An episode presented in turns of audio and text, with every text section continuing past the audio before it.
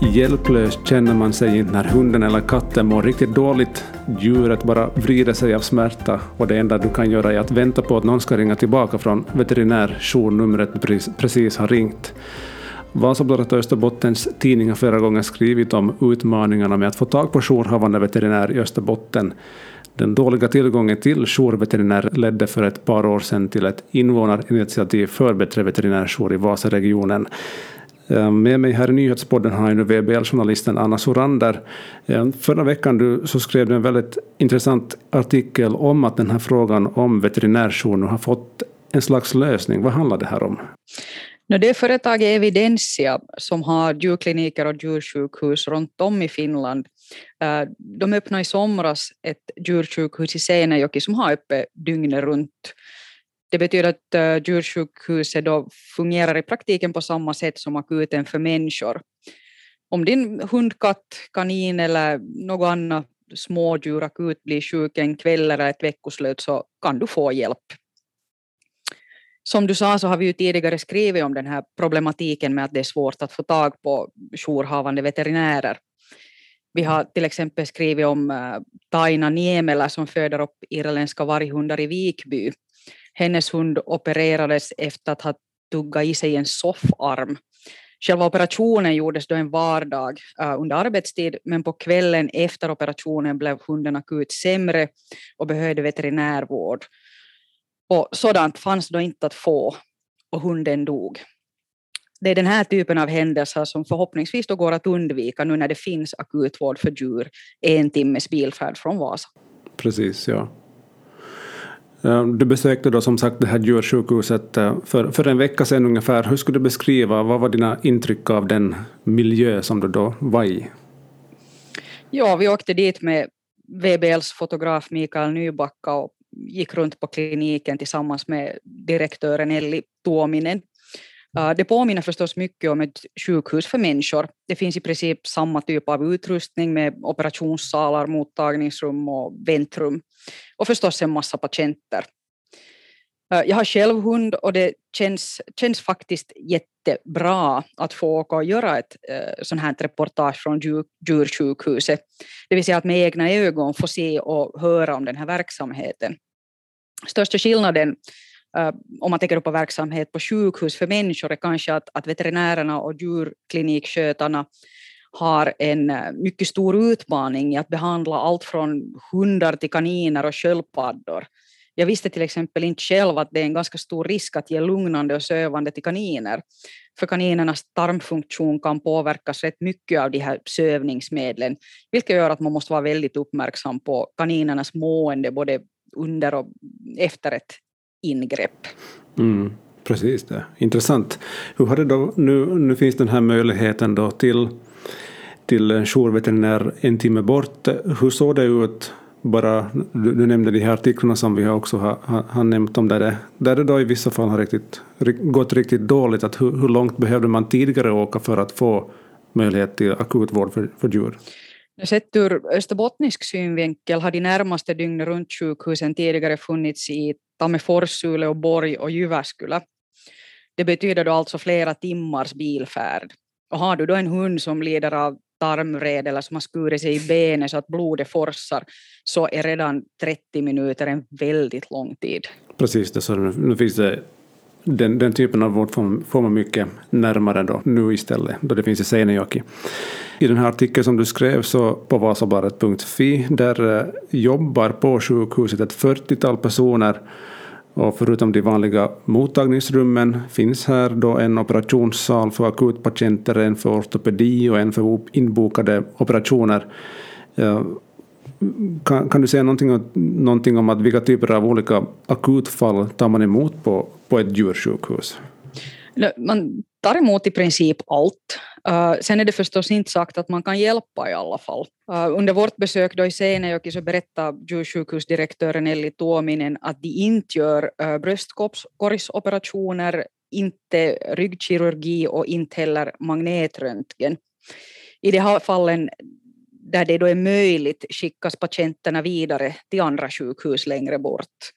Uh, men de vanligaste typerna av akutfall som då kommer till Seinäjoki är ormbett, eh, skador efter slagsmål, tarmvred, eh, kejsarsnitt och livmoderinflammationen. Och det är då alla sådana saker eh, som djuren kan få hjälp med vid sjukhuset i Seinäjoki. Uh, själv tycker jag att, Eh, det viktigaste är att du hur som helst får en diagnos på, på ditt djur. Det absolut värsta jag som djurägare vet är att se mitt djur lida. Det vill jag kunna undvika så långt det bara går. Och då känns det skönt att jag kan få en diagnos och smärtlindring. När det gäller då vården av djur är ju eutanasi ett alternativ som kan användas och som används också regelbundet. Vården av djur så handlar ju egentligen om två saker. Dels måste man fråga sig vad som är etiskt när vi talar om vård av djur. Djuren förstår ju inte och du kan inte förklara för dem varför de har ont och varför de måste tillbringa flera veckor utan att få röra på sig på grund av ett benbrott eller något annat som ska läka. Då måste vi fråga oss själva var gränsen går. Vad kan du utsätta ditt djur för? Och när är det bättre att låta det somna in? Svaret på den frågan är inte alldeles enkelt. Och dels handlar det också om pengar. Djurägaren betalar ju själv vårdkostnader för sina djur. Alla har inte råd med att betala för två dygn på akuten, operation och eftervård plus eh, eventuella mediciner.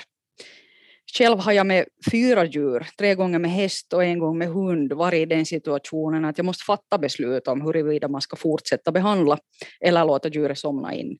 Och mm. det är lika svårt varje gång, man vänjer sig aldrig. Vill du berätta lite om hur det, vilka tankegångar som går där, där man väger hur, vilka alternativ man ska gå in för? No, för det första så måste man ju vara ärlig och säga att, att när det gäller vård av djur så någonstans kommer gränsen emot när vi talar om pengar, hur mycket mm. du helt enkelt har råd och kan sätta pengar på ditt djur. Uh, och det andra som är ännu viktigare förstås är just den här med, med var den etiska gränsen går. Själv har jag alltid tänkt på det viset att i och med att djur inte kan förstå varför de ska utstå smärta, varför de ska behöva lida, så tänker jag alltid att hellre tar jag då bort den för tidigt än för sent. Just det här djursjukhuset i Seinäjoki, det som du, som du nämnde här i början, det, det påminner nästan om ett helt vanligt sjukhus för människor. Det finns olika typer av vårdmöjligheter där. Vad skulle du säga, att vad säger det rent så här generellt om djurägandet i dagsläget, att det då finns sådana här möjligheter till till vård för, för djur, små och stora. I artikeln så säger då den här sjukhusdirektören Tuominen att eh, veterinärbristen överlag delvis beror på att djurägare idag satsar allt mer på sina djur. Och det syns förstås också när man söker vård. Eh, I princip handlar det helt enkelt om efterfrågan och utbud. För många hundägare, kattägare, kaninägare, andra smådjursägare är djuret idag en familjemedlem. Eh, finns det någon gräns för hur, hur små eller hur stora djur man får ta med sig till ett djursjukhus? Nej, det, det, finns det inte. Men förstås så måste man ju komma ihåg att, att största delen av djuren som då vårdas på det här sjukhuset i Seinäjoki så är katter och hundar. Och det betyder ju att, att kunnande kanske är störst när det gäller de djuren också. Men givetvis så får man ju komma med alla typer av smådjur. De tar inte emot hästar där, där går då gränsen och det handlar helt enkelt om ekonomi, att det blir för dyrt. Nå, hurdana summor rör det sig om, om ett husdjur då måste genomgå en mer avancerad operation? No, akutfall som kräver avancerad vård, kirurgiska ingrepp kan kosta tusentals euro. Äh, det är jättesvårt att tala om några konkreta summor eftersom det beror så mycket på vilken typ av ingrepp, vilka mediciner som krävs och hur eftervården ser ut. Ah, de flesta djurkliniker har idag ganska exakta prislistor över vad olika ingrepp kostar. Det finns på deras webbsajter. Sen kommer förstås tillägg då om ingreppen ska göras akut och beroende på hur många ingrepp som behövs. Men det här måste ju då, kan jag tänka mig, vara en ändå stor lättnad för många husdjursägare i Österbotten att den här typen av möjlighet till hjälp finns bara en timme bort härifrån, från Vasaregionen. Absolut, men samtidigt måste man förstås komma ihåg att det är inte självklart att man genast får hjälp. Igen kan man då jämföra med akutvården för människor.